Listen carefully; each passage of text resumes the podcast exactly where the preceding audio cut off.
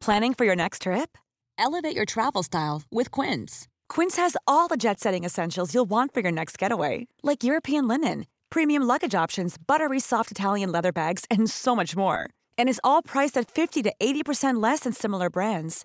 Plus, Quince only works with factories that use safe and ethical manufacturing practices. Pack your bags with high-quality essentials you'll be wearing for vacations to come with Quince. Go to quince.com/pack for free shipping and 365-day returns.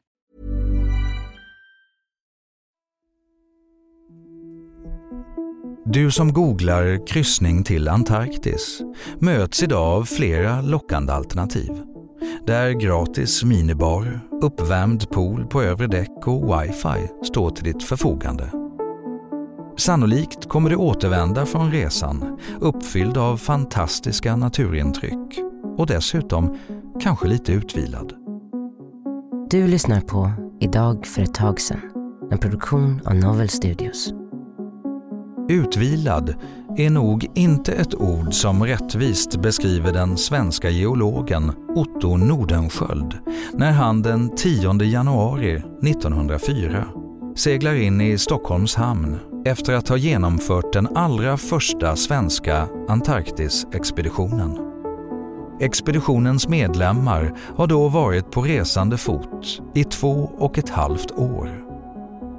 Runt sekelskiftet var Antarktis en orörd och outforskad kontinent. Den brittiske upptäcktsresande James Cook hade visserligen anat dess existens redan på 1700-talet men dömt ut landmassan som alltför otillgänglig och antagligen inte av något större ekonomiskt värde. Intresset för den okända landmassan var iskallt ända till slutet på 1800-talet då det som senare kom att kallas den heroiska eran av upptäcktsresande inleds. En benämning som Nordenskölds expedition mer än väl kommer göra skäl för. Bilder tagna ombord på skeppet Antarktika visar upp en stiligt klädd skara män på väg ut till sjöss med välknutna flugor runt halsen. Utrustningen som finns att tillgå vid den här tiden kan inte kallas annat än bristfällig.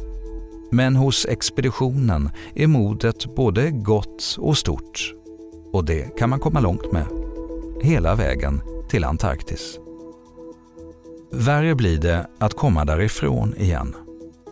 Under det strapatsrika äventyret förliser Antarktika och skeppsbesättningen och forskarna isoleras i Antarktis ogästvänliga miljö.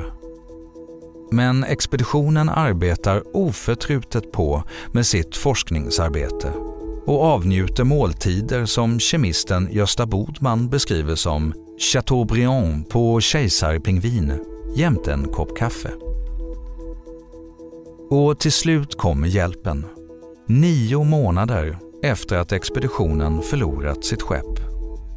Argentina, som tidigare bistått dem med förnödenheter och dessutom skickat med en av sina egna officerare på resan, undrar vart de tagit vägen och sänder ut ett fartyg för att leta efter dem. Den svenska expeditionen hittas och skeppas trötta men välbehållna tillbaka till Sverige. När Otto Nordenskjöld seglar in i Stockholms hamn den 10 januari 1904 gör han det som en polarhjälte. Han har visserligen döpt ett av Antarktis områden till Cape Disappointment men expeditionen i sig är på inget sätt en besvikelse. De geologiska forskningsresultat som Nordenskjöld och hans kollegor har med sig hem kommer bland annat visa sig grundläggande för den vetenskapliga teorin om kontinentaldrift. Idag vet vi med säkerhet att kontinentalplattorna rör sig med några centimeter om året. Så kanske kommer den där Antarktiskryssningen inte alltid vara lika fjärran. Tack för att du har lyssnat på Idag för ett tag sedan som publiceras måndag till söndag. Följ gärna programmet i den app där du lyssnar. Vi hörs imorgon.